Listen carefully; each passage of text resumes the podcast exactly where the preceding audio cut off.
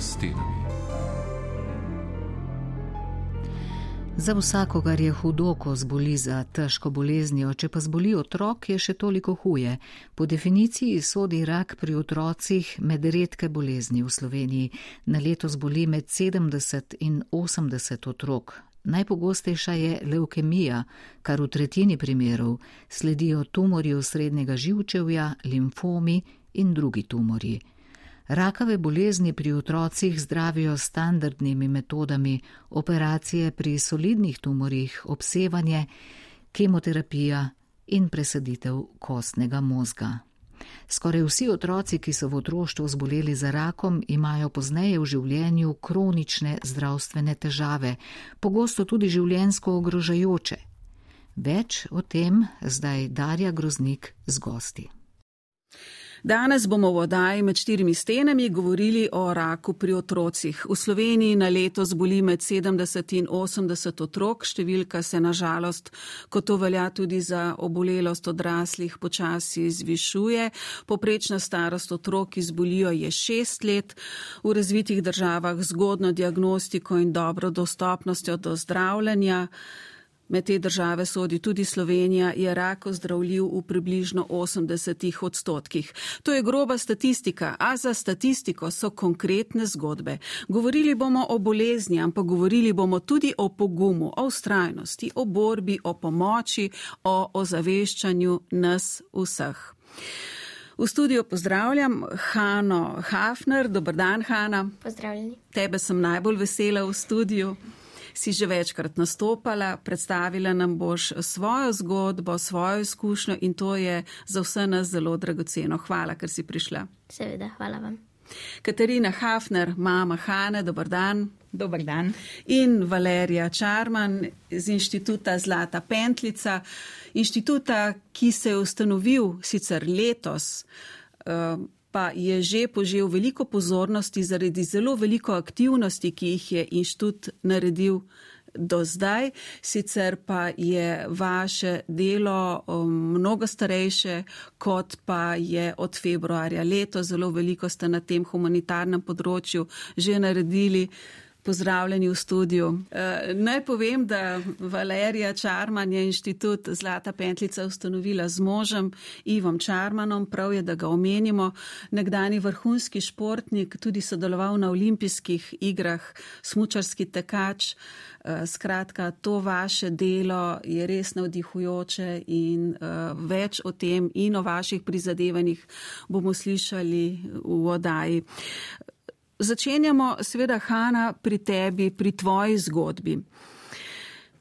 Ti si že odkrito spregovorila o tvoji bolezni, o raku, pa te prosim, če o tem še enkrat spregovoriš.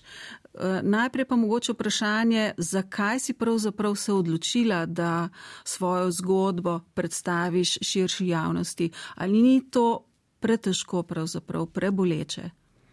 V bistvu odločila sem se zaradi tega, ker sem um, eno izmed deklet, ki je tudi zdaj v našem inštitutu, uh, videla na televiziji in sem mami rekla, da jaz bi pa tudi govorila ljudem o tem, kaj da preživljam in v bistvu jim povedala, da smo še vedno tukaj.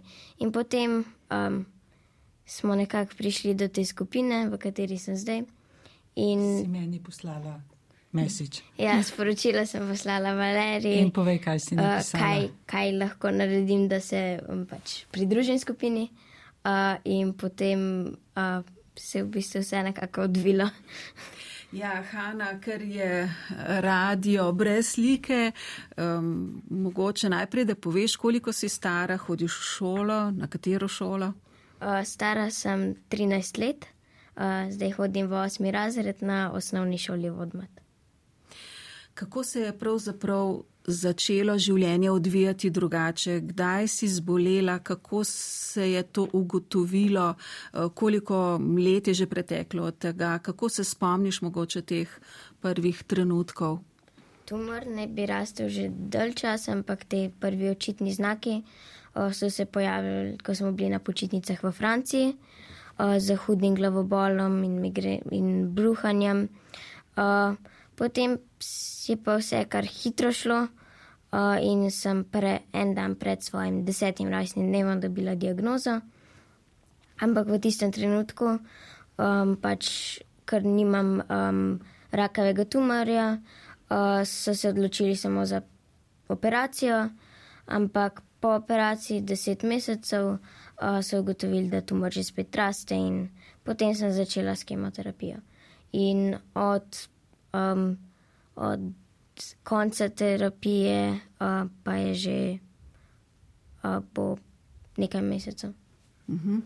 Mogoče, če jaz na tej točki razložim, ne, kar je Hanna rekla, da nima rakavega tumorja. Njen tumor je v medicinskih knjigah klasificiran kot benigen tumor, se pravi, naj ne bi bil nevaren. Nevarna je pa njegova lokacija, se pravi v glavi. Vsi vemo, da so v glavi pomembni organi, pomembne stvari in v glavi je tudi omejen prostor. In če v glavi nekaj raste, kar tam naj ne bi bilo, potem postane nevarno. Tako da otroci z možganskimi tumori, tudi če so medicinsko klasificirani kot benigni, se zdravijo na oddelku uh, hemato-onkološkem pediatrične klinike in tudi po enakih oziroma podobnih postopkih, kot maligni tumori. Mhm. Kakšno je stanje zdaj? Gotovo, seveda, si pod zdravniško kontrolo, kaj to pomeni. Že prej si omenila, da hodiš v šolo. Kaj to pomeni? Trenutno se postopoma vključujem v šolo, nazaj k pouku in um, trenutno hodim 4 ure na dan. Um, in v bistvu trenutno uh, se ne dogaja več zelo veliko. Uh, spremljana sem um, strani zdravnikom, to je pa večinoma to. Uh mhm. -huh. Odpravljamo posledice zdravljenja, ja. ker je samo zdravljenje pustilo kar nekaj neželjenih posledic, to smo vedeli. Naprimer, uh, naprimer um, eno izmed zdravil uničuje živce. Pri Hani se je to močno izrazilo v motoričnih živcih nog, tako da je bilo obdobje, ko je izredno, izredno težko hodila. To se zdaj izboljšuje, še vedno ima težave z ravnotežjem. Uh, še neke druge težave z nogami. Potem je še vedno prisotna večja utrudljivost, kot je normalno za otroka njene starosti. Um, ima pa seveda tudi posledice tumorja, uh, glavna posledica je pa izguba vida. Um, že ob sami diagnozi se je ugotovilo, da na levo oko ne vidi praktično nič več, zazna samo svetlobo. Eh, na desnem očesu je izgubila pa zunanjo polovico vidnega polja. Ampak eh, k sreči eh, se to v teku zdravljenja, se pravi v zadnjih treh letih, ni poslabšalo, tako da stanje ostaja enako stabilno. In s tem vidom, bom rekla, dokaj normalno funkcionira, so pa omejitve, nima globinskega vida, tako da sem v studio, sva prišli v spremstvu bele palice uh, ker ne vidi robnikov, ne vidi stopnic in če ima belo palico, uh, lahko sama zazna, kje so ovire in se ne spotakne in potem ne pade. Gospa Valerija Čarman, koliko je mogoče čez prst gledano teh otrok, ki ste jih povezali vi v inštitutu in koliko je nasploh otrok, Slišali smo na začetku, na leto jih zboli 70, mogoče 80. Eh, koliko otrok približno se v Sloveniji bori z eno od oblik raka? Zdaj vi verjetno mislite, koliko otrok pride do naju ali No, ne, mi dva, mi dva vsa ta leta. Številki, uh, zdaj v inštitutu zelo intenzivno dela 12 otrok. Ne? Uh, kaj pomeni zelo intenzivno. So na vseh dogodkih aktivni, ampak vedno na vseh dogodkih je potem še polno mlajših, ker ste videli na teku. Ne? Oni so v bistvu kot neki um, organizatorji za te skupine, ki potem prihajajo za njimi. Ne? Koliko otrok je v vseh teh letih šlo skozi najne objeme, pa jaz mislim, da to tudi ne vem, če če je, na, če je potem pravi namen dela, če ti veš, koliko je tega, ne, ne vem, blazno veliko. Uh, nikoli nisva delala te statistike, nikoli nisva. Tako kot nikoli nisva računala, ker mene včasih kdo vpraša, koliko pa vidva nam pokloni, namenita časa, koliko jim pokloni. Ne vem, vse čas, kar ga imava, vse, kar jim lahko dava. Um, to se, mislim, da ne da nekje dati v eno košaro, pa povedati toliko tega. Ne. E, pri najnem delu nekako statistika ni um, osnovni ciljno. Hanna, veliko podpore imaš doma. Jaz sem srečala tvojo starejšo sestrico in videla na lasne oči, kako ljubeče je do tebe. Kaj ti pa pomeni to druženje eh, z vrstniki, mogoče starejšimi, mlajšimi, ki se tako kot ti borijo z boleznjo? Uh, sigurno, ko da, daješ to preizkušnjo skozi, uh, ti pač pomagajo, ti povejo, recimo, realno, kako bo uh, njihove izkušnje in potem um, tudi samo objem je že velik in res vsi stojimo ob strani in si pomagamo. Najbrž to zelo veliko pomeni. Ja. Kaj pa strah? Ali vas kdaj hromi? Ali pridejo kdaj trenutki, ko um, te ohromi ta strah, kaj bo? Sigurno, ja, so bili trenutki in sigurno še bodo, ko se ustaviš in si misliš, da pa ne morem več naprej. In takrat se mi zdi, da je potrebno um, najti nekoga, ki ti bo povedal, da samo pet naprej. In bo sigurno se vse rešilo. In teh ljudi imaš ti veliko okoli sebe, kaj ne? Uh, gospa Katarina Hafner, mama, gotovo je težko, če odrasel zboli za hudo boleznjo, kar rak prav gotovo je. Še toliko hujše, če zboli tvoj otrok. Um, kako ste se vi soočili s tem strahom, s tem drugačnim življenjem? Uh, jaz bom rekla, da v prvem trenutku je meni odleglo. Uh, Hanna je že povedala, ona je zbolela prvi dan, ko smo se odpravljali na dopust. In je imela težave celoten dopust, kar pomeni skoraj tri tedne. Ko si 1500 km stran od doma, v državi, kjer ne znaš jezika, kjer ne veš, kam se obrniti, Vozili smo jo zdravnikom, vsi so samo zamahnili z roko, rekli: viroza z migreno, naj vzame le kadol. Uh, in ko, ko se ti že meša, ko ne veš, a si ti, a je s tabo nekaj narobe, a, a si otrok že zmišljuje. Jaz sem bila že tako daljša, da sem že mislila, mogoče pa Hanna ne pride k sebi, ker nismo doma. In sem potem čakala, da pridemo domov, lahko povem, da tista pot domov iz Francije je, je bila nekaj najhujšega v življenju. Ampak, ko smo prišli domov, smo pa, mislim, da v enem tednu dobili diagnozo.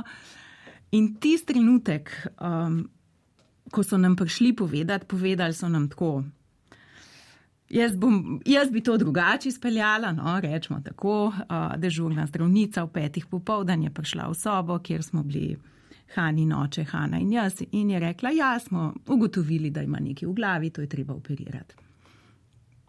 In te pustijo s to informacijo. In tisoč vprašanj. Tako, tako. In, uh, ampak po eni strani mi je odleglo, zato ker sem dobila vsaj znanega sovražnika, ne?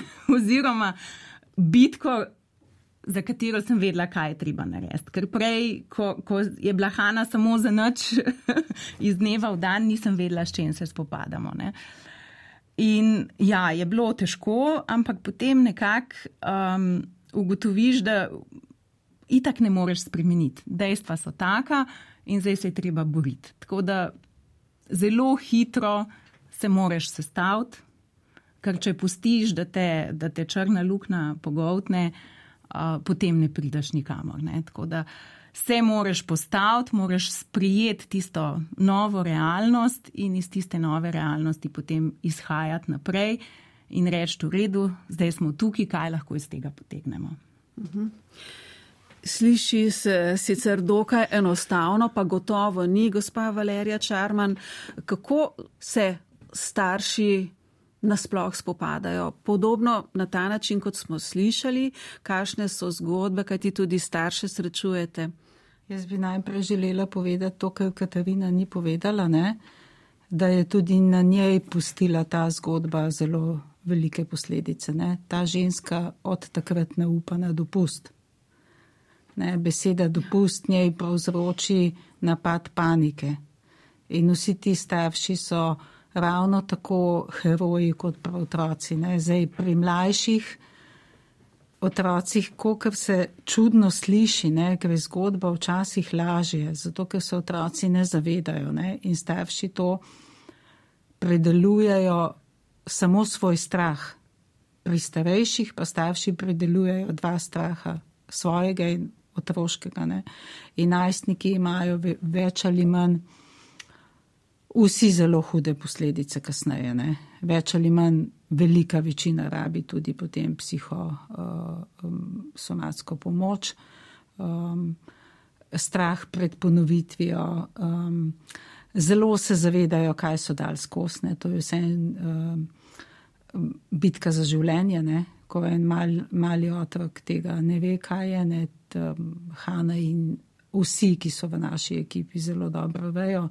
Mi dva se večinoma, ta skupina je nastala predvsem iz tega, ker smo se mi zelo veliko pogovarjali in smo ugotovili v vseh teh letih, da se moramo še več pogovarjati, da jim to zelo veliko pomaga. Največ to, da se med sabo in pa da, da zaupajo. Ne. Sej to je vse, kar je nama z Ivom uspelo v vseh teh letih, je to, da nama zaupajo. Sej ti lahko pomagaš šele takrat, ko ti nekdo zaupa. Ne.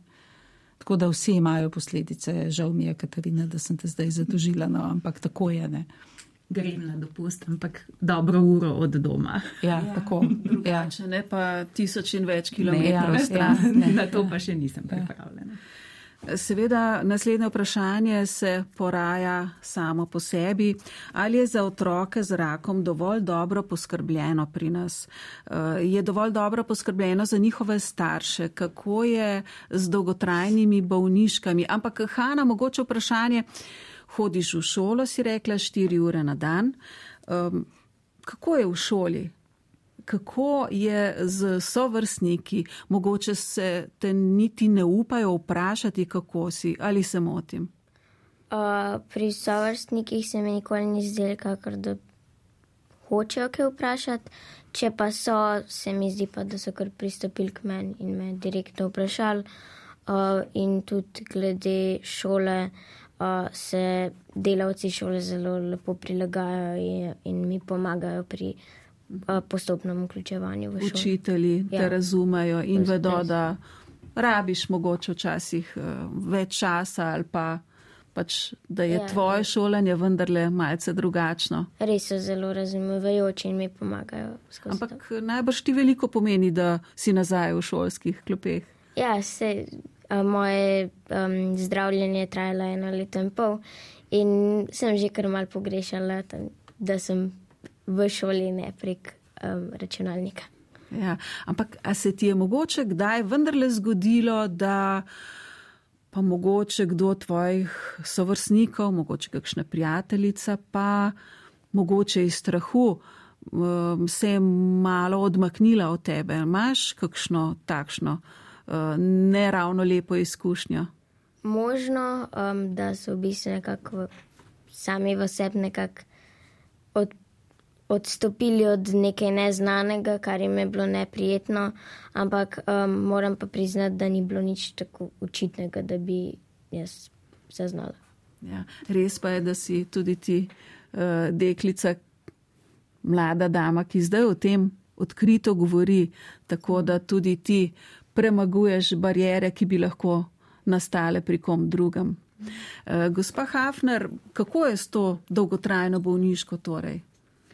Uh, ja, jaz priznam, da eh, ena izmed prvih stvari, ki mi je šla čez, mi, čez glavo, ko je Hanna zbolela, je bilo, o, še dobro, da živimo v Sloveniji, ne v Ameriki, ker mi ni treba skrbeti, a bomo imeli za zdravljenje, pa zraven še preživeli. Tako da To je sigurno uh, odlično. Zdaj priznam, da na začetku V začetkih bolezni uh, je bilo malo nesigurnosti, ker uh, takrat meni bolniška še ni pripadala. Takrat še ni bilo teh sprememb zakona uh, in še teh opcij, tako da v bistvu bi mogla čist na začetku jaz samo Hano pustiti v bolnici in hoditi v službo, ker pač staršu, ko je otrok bil v bolnici, ni pripadala bolniška. Uh, to smo potem nekako uredili.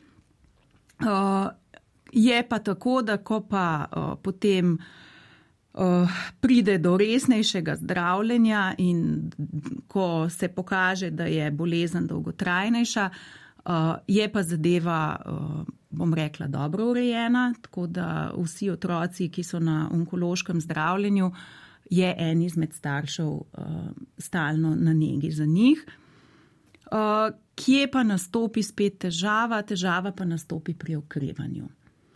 Nekaj časa po koncu zdravljenja uh, smo starši še upravičeni do nege za otroka.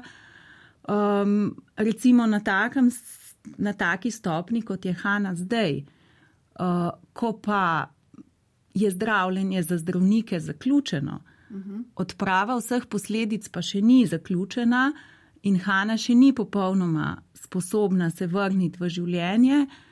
Uh, nastopijo pa težave. In uh, uh, je kar nekaj staršev, ko se pogovarjam z mamami, imajo te dileme, kako uh, ustrezno poskrbeti, uh, prvič, da je za otroka poskrbljeno, da uh, hodi dovolj v šolo, pa spet ne preveč, uh, da je poskrbljeno za okrevanje, zato ker. Uh, To se ne vidi, ne, ampak otrok potrebuje dovolj gibanja, potrebuje dovolj počitka, potrebuje uh, fizično aktivnost, potrebuje še druge stvari. Uh, in tukaj pa pride potem um, do težave. Mhm, do zagad. Uh, gospa Valerija Čarman, kaj vi mislite, torej izhodišno vprašanje, ali je za otroke obolele z rakom? pri nas dovolj dobro poskrbljeno in seveda je dovolj dobro poskrbljeno tudi za starše. Jaz mislim, da odlično. Glede na tujino, kar se tiče zdravstvenega sistema, odlično. Naši otroci dobijo vse in so tudi napoteni v tujino eh, na eh, račun zdravstva. Eh, pojavijo se pa težave potem kasneje, ker mislim, tukaj vseeno je treba vedeti, da so mi dva z njimi 24 let ne, in da je v vseh teh letih šlo zelo veliko zgodb takih in drugačnih. Težave se pojavijo po enem letu, po dveh letih. Jaz, če bi imela čudežno palčko, bi tele mame uh, poslala v toplice za en mesec, ker ko je zdravljenje končano, se za njih šele um, začne, ne? strahovi, Eh, travme, kaj če se zadeva ponovi. Um, to je tisti stres, je tihi ubijalec. Ne? Oni šele, ko je končano, se, kako bi, kako bi rekla, opustijo malo ne? in takrat v bistvu jim šele vdavi na plano, kaj je bilo in eh, veliko teh staršev potem postane živčna razvalina dobesedno. Ne? Uh, poleg tega, da so vse družine več ali manj po koncu zdravljenja uh, na, uh, tudi na um, zdrav, eh, ne zdravstveno, vendar finančno opešajo, ker to dodatno eh, vse koristijo, kakršne koli opcije, da je otroku lažje, ne jih tudi to iščejo, pa predvsem pa to, da so eno leto ali dve non-stop ob otroku. Ne. To je uh, jaz osebno, če bi imela čudežno palčko in ko to gledam, vsi ti starši bi si zaslužili po koncu zdravljenja še pol leta bolniške, da sami ukrevajo predvsem pa ne vem, počitnice, toplice, karkoli, da, da svoje telo nazaj napolnijo recharge, pravijo temu, ne. Ker to, tukaj vidim, da v bistvu takoj, ko je konec, otroci so. Tukaj je še ena tematika, ki se jaz blazno čudim. Ne. Recimo, ko odrasel človek zboli za rakom, ne vem, kdorkoli, ne, ima možnost, um, kar se sicer blazno grozno sliši, ne, izbrati način, kako se bo zdravo. V tišini, v miru, z družino, sam, kakorkoli. Ne. Naši otroci, ki zbolijo, so praktično po enem tednu uh, poslani na, v šolanje nadaljavo. Ne. Oni nimajo možnosti v miru se zdraviti, ne? eno leto odklopa. Vse je tudi opcija, da ne nadaljujejo šolanja, ampak večinoma jo nihče ne koristi, vse čas imajo nekje v ozadju občutek, da imajo še neko obveznost. Ne? Poleg te bitke, ki jo imajo, imajo še obveznost šolanja. Uh, tako da in to tudi pade na starše. Ne? Te starši so, jaz veliko krat pravim, neko meni včasih pravijo, joj, izjemna sta toliko let z njimi. Kaj mi dva, oni? Oni si, vse te mame si zaslužijo naziv slovenke leta. Vse, od začetka do konca. Ja, ja, to, to mislim, da, da ima Valerija kar prav, ne? da stanje, v katerem se marsikatero od otrok vrača v šolo, pa tudi če za skrajšan čas, uh, v takem stanju odraslega človeka ne bi poslali v službo. Um, tako da mogoče res se zahteva veliko. Sej Hanna, ne, Hanna je bila doma zaradi kemoterapije leto in pol, pa že prej zaradi operacije tudi ne dva meseca šole zamudila, uh, je vse naredila zelo v skrčenem obsegu, prilagojenem programu in tako, ampak uh, čim smo dali tiste tri dni slabosti, bruhanja, utrujenosti po ta hudi kemoterapiji mimo, uh, smo začeli šolo. Uh -huh. Ne. Še nekaj otroci upozarjajo, ne meni non-stop. Ne. Hanna zgleda čudovito, malo mogoče bleda, ampak veliko otrok zgleda krasno, ne. neke deklice so res krasne, ampak velika večina otrok ima posledice. Bolečine v križu, ne morejo sedeti, glavobole, slabše pomnenje, koncentracija, ampak za okolico so oni ok. Odraslemu človeku, ki preboli raka, nikoli ne rečemo, zdaj si pa ok, ampak rečemo, se bo nekako, ne pa tako. Otroku pa vedno, se zdaj si pa ok, ne. Zato, ker je, a kot otrok je pa logično, da, da je pa to lažje. Ni, meni se zdi, da je to še veliko težje. Otrokom je oduzeta, zdaj upam, da ne delam krivice odraslim ljudem, ampak odrasli ljudje že z neko z, z neko drugo zavednostjo pridejo v to. Ne? Otrokom je pa oduzeta mladost in še marsikaj drugega, potem jih pa še damo v kalup. Ja, raka si imel, ampak zdaj si pa ok. Mhm. Ravno tako kot en odrasel. Zdaj pa šola in vse ostalo. Ja, ja, zdaj pa kar hiter je treba pa notu v ta tempo. Uh, to bi vseeno mogel biti malo bolj počasno. Uh mhm. -huh. Valerija Čarman z možem Ivanom sta z rok predsednika republike nedolgo nazaj eh, prijela tudi visoko priznanje, medaljo za zasluge, za izjemno delo za ranljive in pomoči potrebne ljudi, zlasti otroke. Kaj vam osebno pomeni to delo, ki ga delate srcem?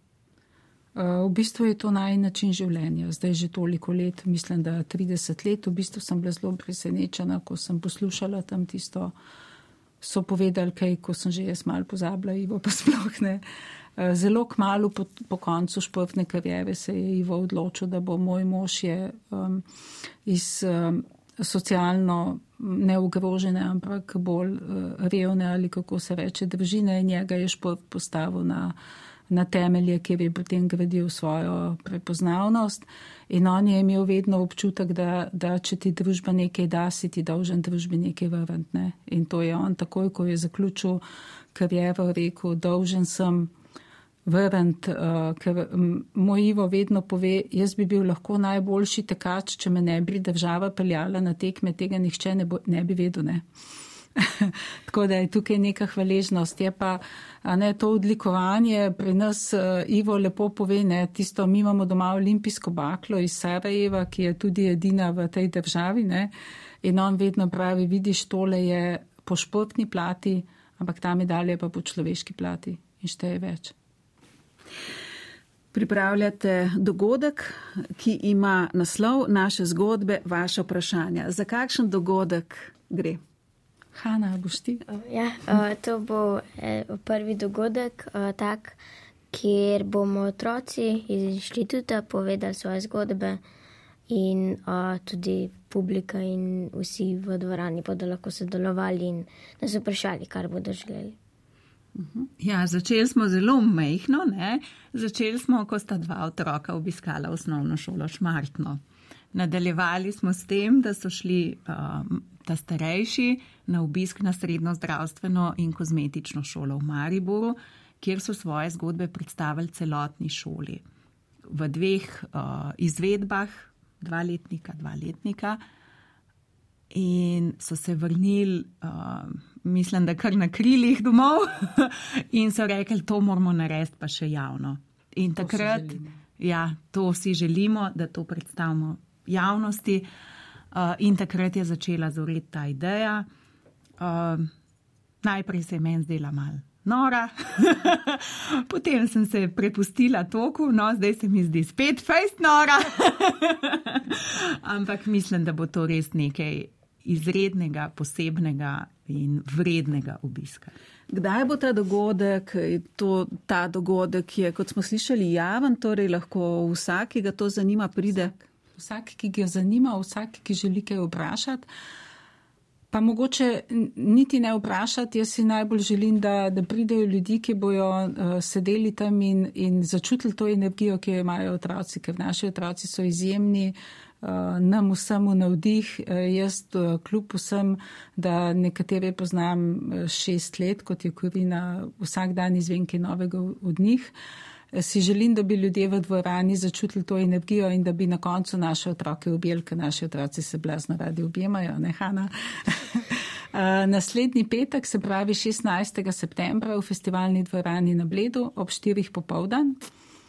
Um, glede na dogodke, ki se odvijajo zdaj v dveh dneh bliskovito, imam občutek, da, da bomo polni. Ne? Hanna, torej vprašanja iz publike ampak ta vprašanja so lahko tudi malce um, težka oziroma, kako bi temu rekla, um, se nič ne bojiš, kaj bi te oziroma te bodo vprašali? Se mi zdi, da ljudje, če jih nekaj zanima in če so pripravljeni vprašati, da um, jaz jim z veseljem odgovorim in da s tem tudi um, um, rak pri otrocih nekako širimo to, da.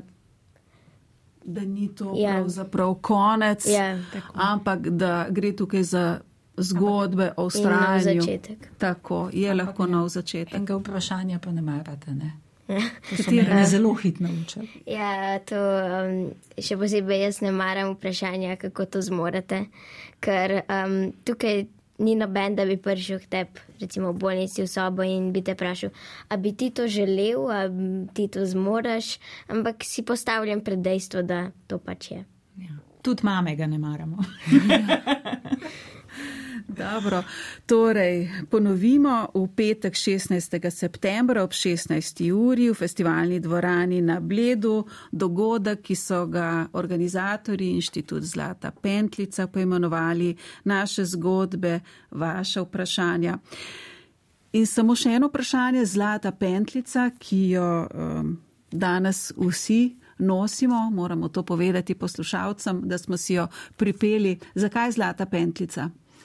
Bo tudi Hanna povedala, ampak eh, drugače je uh, osnovni namen, da je ta ime, ki vse otroci želijo širiti v tujino in je to prepoznaven znak. Zakaj pa? Uh, pač Zlata pentlica je mednarodni znak za uh, boj z otroškim rakom in zaradi tega je pač tudi um, naš simbol in ime to, da pač vsi vejo, um, zakaj smo in zakaj to delamo.